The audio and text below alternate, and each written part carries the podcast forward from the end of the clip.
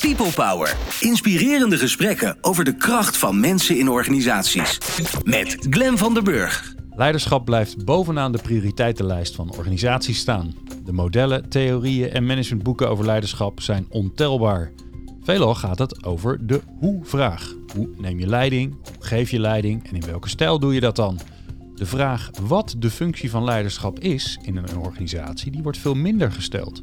We gaan in gesprek met Jesse Segers. Hij is rector van CIO, het Interuniversitair Instituut voor Organisatie en Veranderkunde.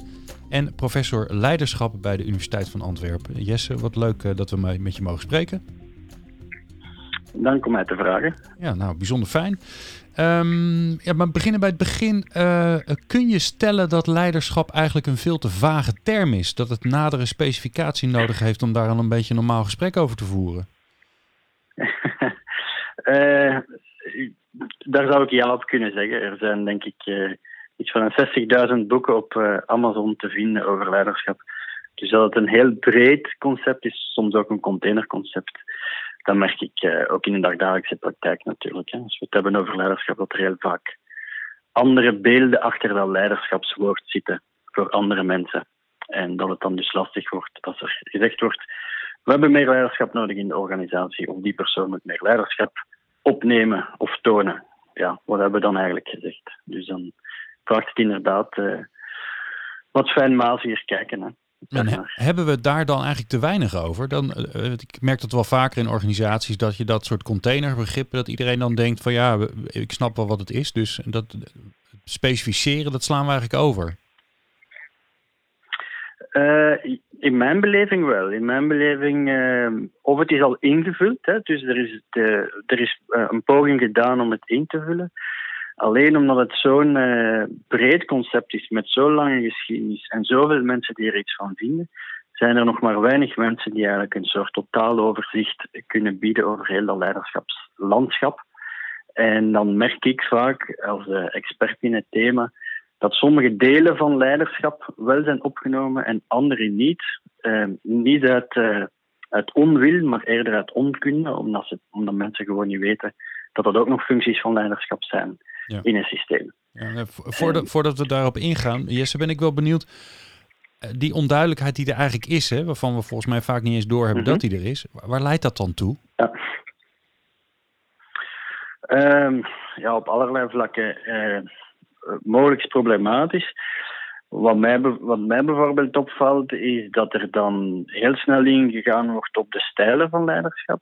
Uh, dat sommigen dan ook nog vinden dat iedereen dezelfde stijl moet hebben. Hè, dat dat een soort uniformisering is. Wat ik wel ergens begrijp vanuit uh, de nood van het jaar om uh, academisch op te starten, maar wat natuurlijk niet functioneel is, strategisch gezien, omdat die stijlen bepaalde functies van leiderschap dienen. Of nog erger, dat eigenlijk, omdat we geen totaal zicht hebben over waartoe leiderschap dient, in het systeem dat bepaalde functies niet opgenomen worden, maar dat mensen dat dan wel verlangen dat dat eigenlijk gebeurt, terwijl het niet geëxpliciteerd is. Mhm. Wat dan spanning geeft eh, tussen verschillende managementlagen bijvoorbeeld en, en dergelijke.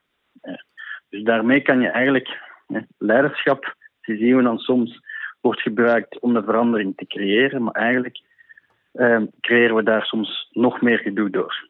Ja, dat we geen totaal overzicht hebben. Het is ja. iets paradoxaal in. Ja, ja, je hebt leiderschap nodig om te zorgen voor meer leiderschap. Zoiets, ja. of door, we hebben, ja, we hebben leiderschap nodig, maar het is niet helder afgebakend, of de functies ervan zijn niet helder, waardoor het toch niet gebeurt. En dat er eigenlijk impliciet voortdurend wrijving ontstaat tussen verschillende systemen, eh, waardesystemen of cultuursystemen met leiderschap. En dat ook nog eens. Dus uh, ja. ja. Eh, ik denk dat het toch helder is om een, uh, om een scherp gesprek te hebben. Of een helder gesprek over leiderschap. Ja. Voordat je eraan aan begint. Ja, dat is in ieder geval een goede eerste tip voor de luisteraars. Mocht iemand nou eens een keer iets roepen over leiderschap, dat er leiderschap nodig is of dat leiderschap niet goed is, is het wel goed om te vragen, wat bedoel je daar eigenlijk mee? Absoluut, ja. Nou, wat ik soms doe is, als ik start, is dan vraag ik, teken mij eens leiderschap. Oh. En dan, uh, dat, is een, dat klinkt dan grappig natuurlijk, maar wat ik daar test is wat we technisch noemen de impliciete leiderschapstheorie. En vanaf de leeftijd van ongeveer acht jaar kunnen kinderen leiderschap tekenen. En daar zijn crossculturele verschillen in. Maar, eh, bijvoorbeeld Amerikanen die tekenen heel typisch gewoon een mannetje. Een, geen vrouw trouwens, een mannetje. En er staat geen enkele volger op dat blad. Terwijl als je meer Zuid-Amerikaanse cultuur, en dat is ook logisch vanuit hun cultuur, hè, van die Amerikanen, je moet eerst persoonlijk leiderschap claimen voordat je leider van een collectief kan worden, dus het begint daar.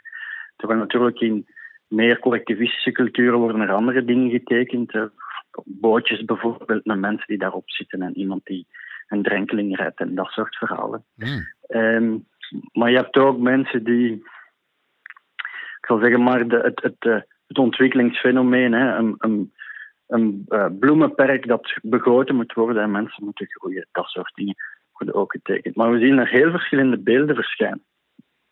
En dan zeg ik ja. En dat soms ook binnen een groep. Hè. De CEO tekent iets totaal anders dan de CFO. Ja, en dan moet die groep meer leiderschap tonen. Maar wat is dat dan? Dus dan hebben we direct die beelden naar boven. Uh, ja.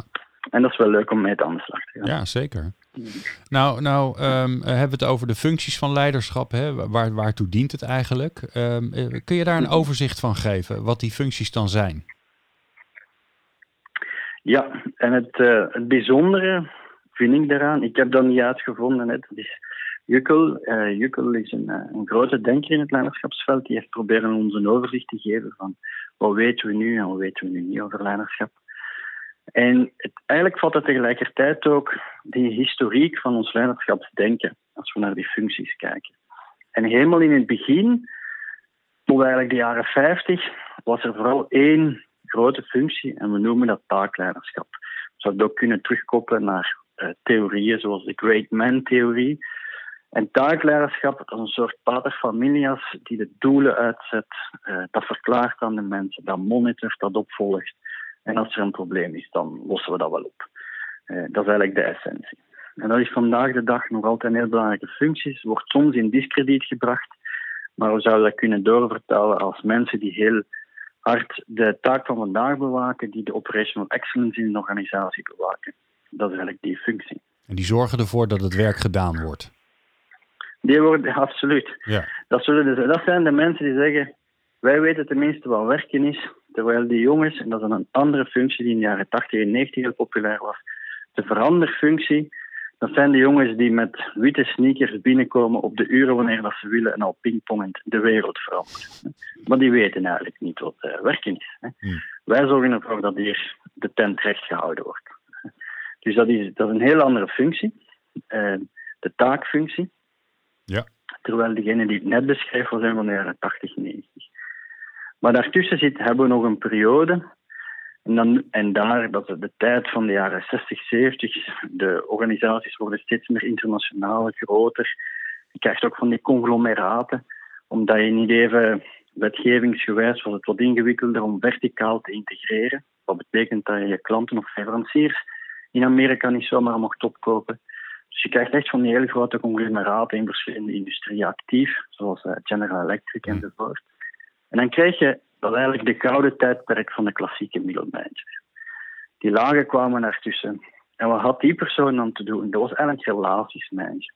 En ervoor zorgen dat mensen ontwikkelden en mee konden groeien met die organisatie. Nog allemaal relatief stabiel. En dat noemen we de relatiefunctie. Dus dat gaat over empoweren, coachen, luisteren, dat soort van vraagstukken. En grappig genoeg, als je die twee samenneemt, de taakfunctie en de relatiefunctie, dat is de kern van een leiderschapsmodel dat al 50 jaar hyperpopulair is. En dat is namelijk situationeel leidinggeven. Dat is altijd die twee dimensies. En omdat er onderling spanning op zit. En mensen, sommigen zijn beter in de taak en sommigen zijn beter in de relatie. Ik merk dat ook alle dagen als ik terug thuis kom. Ik ben meer van de relatie, want ik vraag dan aan mijn vrouw: wil je dochter nog even wakker houden? Maar zij is dan heel strikt en zegt: nee, half negen is half negen. Anders hebben we morgen een uh, moeilijke dochter in de ochtend. Mm. En gelijk heeft ze op dat vlak. Ja. Dus er zit vaak een onderlinge spanning op. Um, dat is de relatiefunctie. Maar in de jaren 80 en 90 komt er heel veel transitie. We hebben dan niet enkel natuurlijk de val van de Berlijnse muur in 89 en de opkomst van het internet in 95 enzovoort. Maar we hebben ook begin jaren 80 de administratie van Ronald Reagan die vindt dat is eigenlijk dat de republikein, dat er niet zoveel regels moeten zijn vanuit de overheid, maar het best overlaat aan de markt en dat je dus verticaal wel mag integreren. Als gevolg van die wetgeving krijg je eigenlijk heel veel uh, transitie in de markt. Bedrijven als Boston Consulting Group, McKinsey, die gaan die conglomeraten doorlichten op zoek naar wat zijn efficiënte stukken om samen te nemen, om die bij elkaar te houden en andere stukken te verkopen. En dus krijg je eigenlijk een heel gekende stijl van leidinggeven daar, is transformationeel leidinggeven. Er waren leidinggevenden of leiders erin slaagden om mensen mee te nemen in die transformatie. Maar die functie, de veranderfunctie, staat ook in spanning met de relatiefunctie. Mm Want dat zijn vaak mensen die de olifant in de kamer benoemen, die het moeilijke thema benoemen, die de agenda van de toekomst neerzetten. En dat botst vaak met mensen die bijvoorbeeld veel meer de relationele functie hebben. Want als je zo'n relationele functie van leiderschap invult, ja, dan ben je eigenlijk wel populair. Hè? Mensen coachen, kansen geven, empoweren, dus een meer macht geven. Terwijl als je de olifant in de kamer benoemt, dan krijg je vaak geen applaus voor. Integendeel, daar roept weerstand op en verzet. Dus je ziet, dat wordt al moeilijk om die derde functie, naast ook nog eens het bewaken van de agenda van hier en nu, de taakfunctie, in één persoon te steken. Ja. Dus daar ontstaat voor het eerst zo.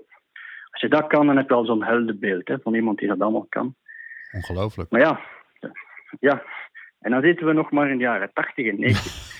in de jaren 2000. Ja, ja ik wou zeggen, ik ben net afgestudeerd. ja. ja. Dus het is, dat is echt zo, dat transformationeel leiderschap zit heel klassiek.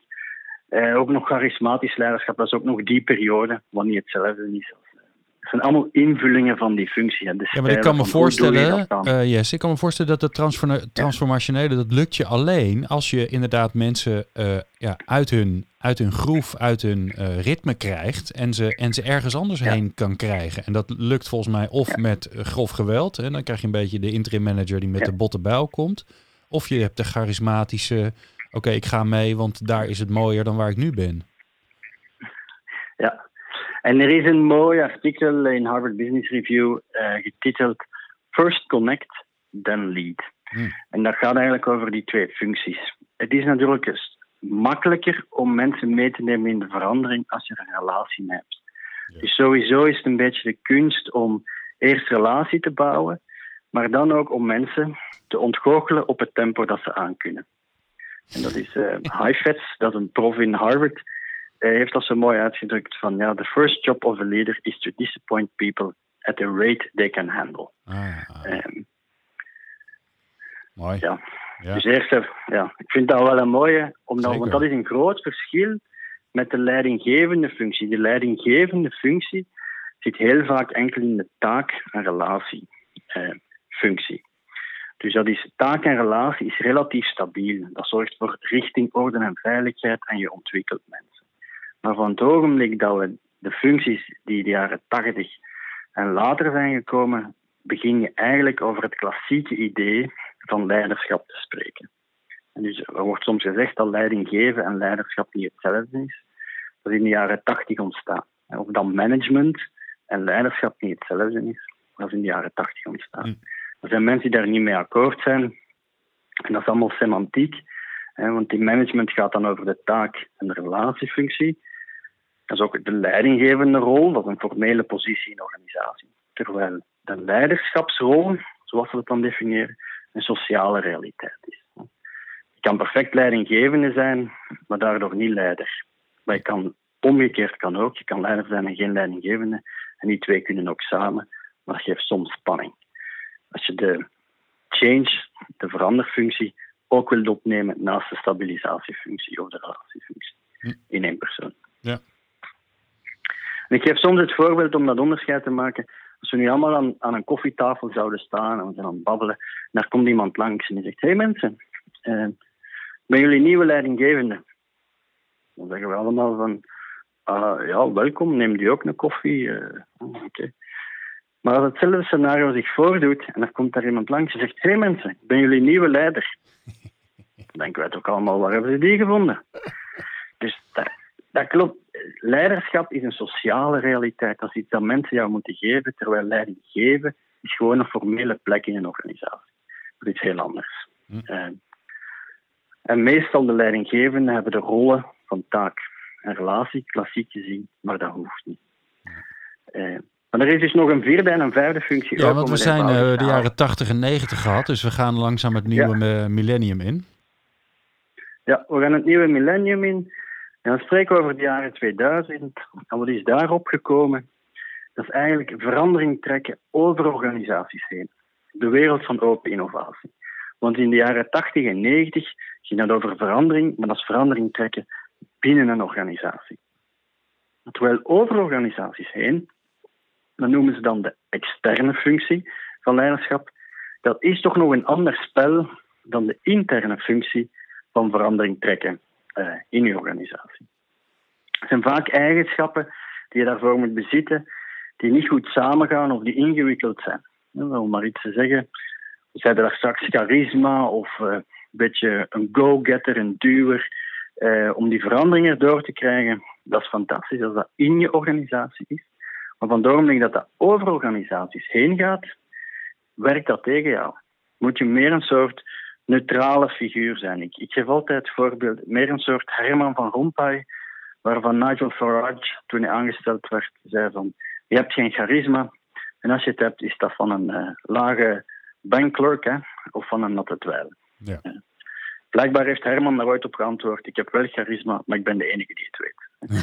dus uh, wat ook typisch voor hem is, een soort nederigheid, een soort uh, met zichzelf kunnen lachen. Maar beeld je in dat in zo'n complexe omgeving in 2008 uh, in Europa een Sarkozy of een Berlusconi aan het hoofd stond. Dat zijn van die figuren. Ja, dan weet je dat sowieso al minder ging zijn. Ehm, of een Verhofstadt, dat is ook zo'n meer een typische veranderfunctie dat hij opneemt. Hè. Ja. Nieuwe visies scheppen, dat moet allemaal gebeuren. Terwijl zo'n Herman van Rompuy, wie was dat in godsnaam? Niemand kende hem. Ideaal voor dat soort omgevingen. Een soort neutrale figuur, noem het soms grijze muizen met veel zelfvertrouwen, waar iedereen van alles op kan projecteren.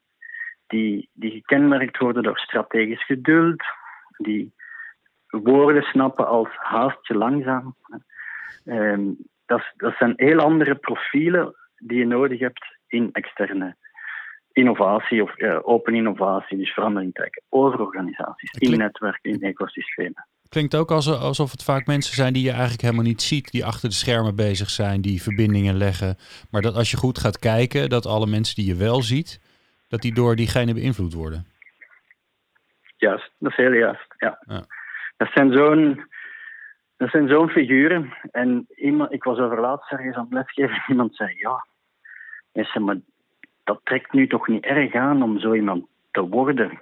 Nee. Want zijn beeld was ja, een soort charismatisch op het podium staande figuur. Hè?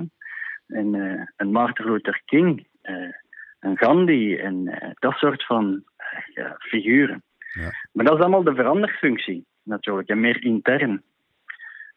En ik geef dan, en dat ik, zoals ik al aangaf, je krijgt voor die functie vaak geen applaus, die veranderfunctie. Integendeel, Martin Luther King is doodgeschoten, Gandhi ook. Hè. Ja. Dus om maar aan te geven. En die externe functie, ja, dat is inderdaad meer achter de schermen, dat is minder de spotlight, dat is een heel ander type profiel, een andere functie die, die mensen opnemen in het systeem. maar het zijn ook de woordvoerders. Hè. Dus in voetbal zie je dat ook. Het zijn altijd dezelfde, dezelfde zes figuren van een nationaal team dat aan het woord mogen komen. Terwijl op dat ogenblik voor de pers, terwijl op dat ogenblik in de kleedkamer, er wel iemand is die bezig is met de relaties te verzorgen of aandacht op de taak te leggen van wat er moet gebeuren. Mhm. en, en dat is dus een, een samenspel tussen die verschillende functies, zal ervoor zorgen dat het leiderschap van, van een systeem, van een collectief, eh, groter wordt of kleiner wordt. We hebben er nog één. En er is nog een laat. Ja, hè? We hebben er nog eentje, ja. En dat is eigenlijk vanaf 2010.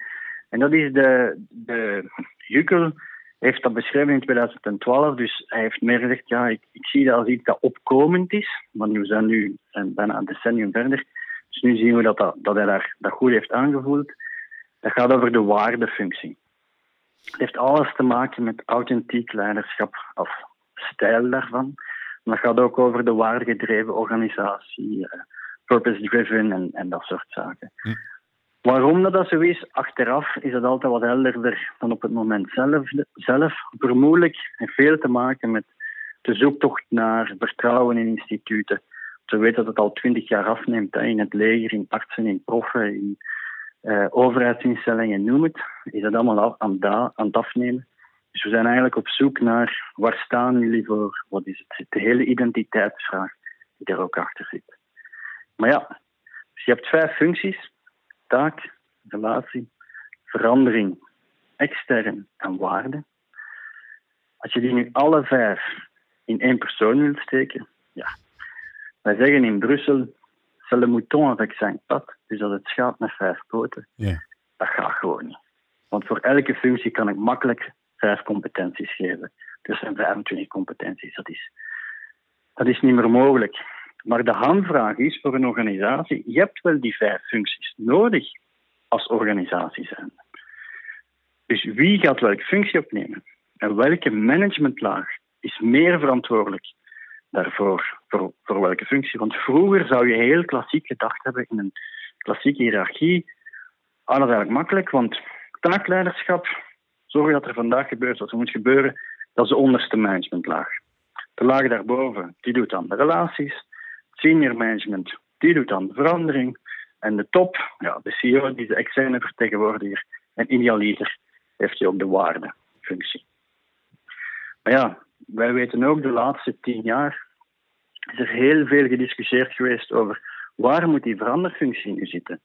Want die top die staat veel te ver af van de klant, van de complexiteit van waar het gebeurt. We moeten die veranderfunctie veel dieper in de organisatie leggen. Dat is mooi als je dat, als je dat bedenkt, maar daarmee zet je alles los. Hè? Want wat is dan de functie van senior management? Welke rol moeten zij dan wel opnemen?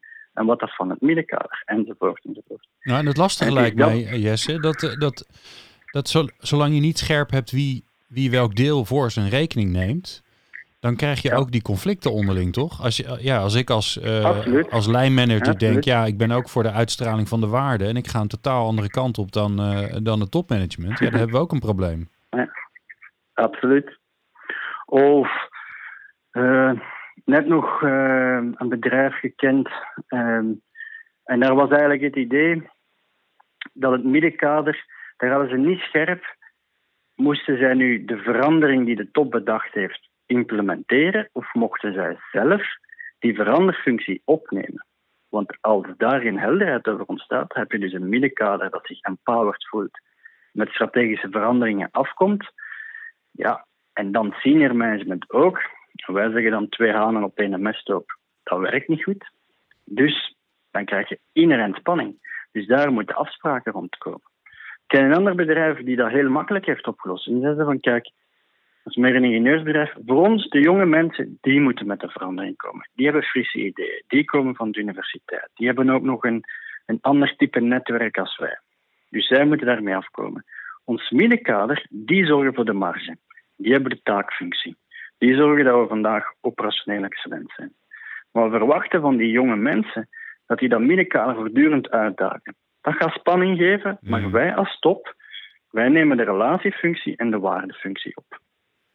Dus wij zorgen ervoor dat er een soort holding space ontstaat vanuit de waarde, dus een soort veilige cocon, waarin dat, dat conflict constructief kan zijn. En wij, managen die relaties en wij zorgen ervoor dat de beslissingen vallen in lijn met onze waarden. Prima om dat zo op te lossen.